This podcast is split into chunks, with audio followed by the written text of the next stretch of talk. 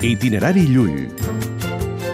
700 anys de viatge i lletres a Catalunya Ràdio. La formació autodidacta.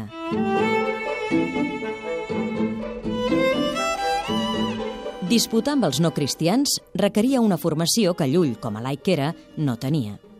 Per això, va voler anar a estudiar teologia a París.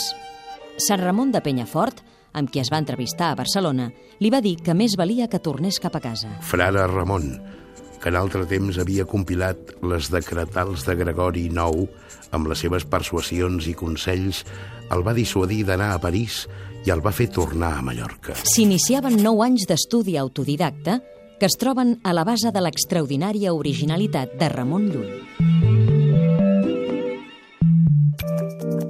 Itinerari Llull.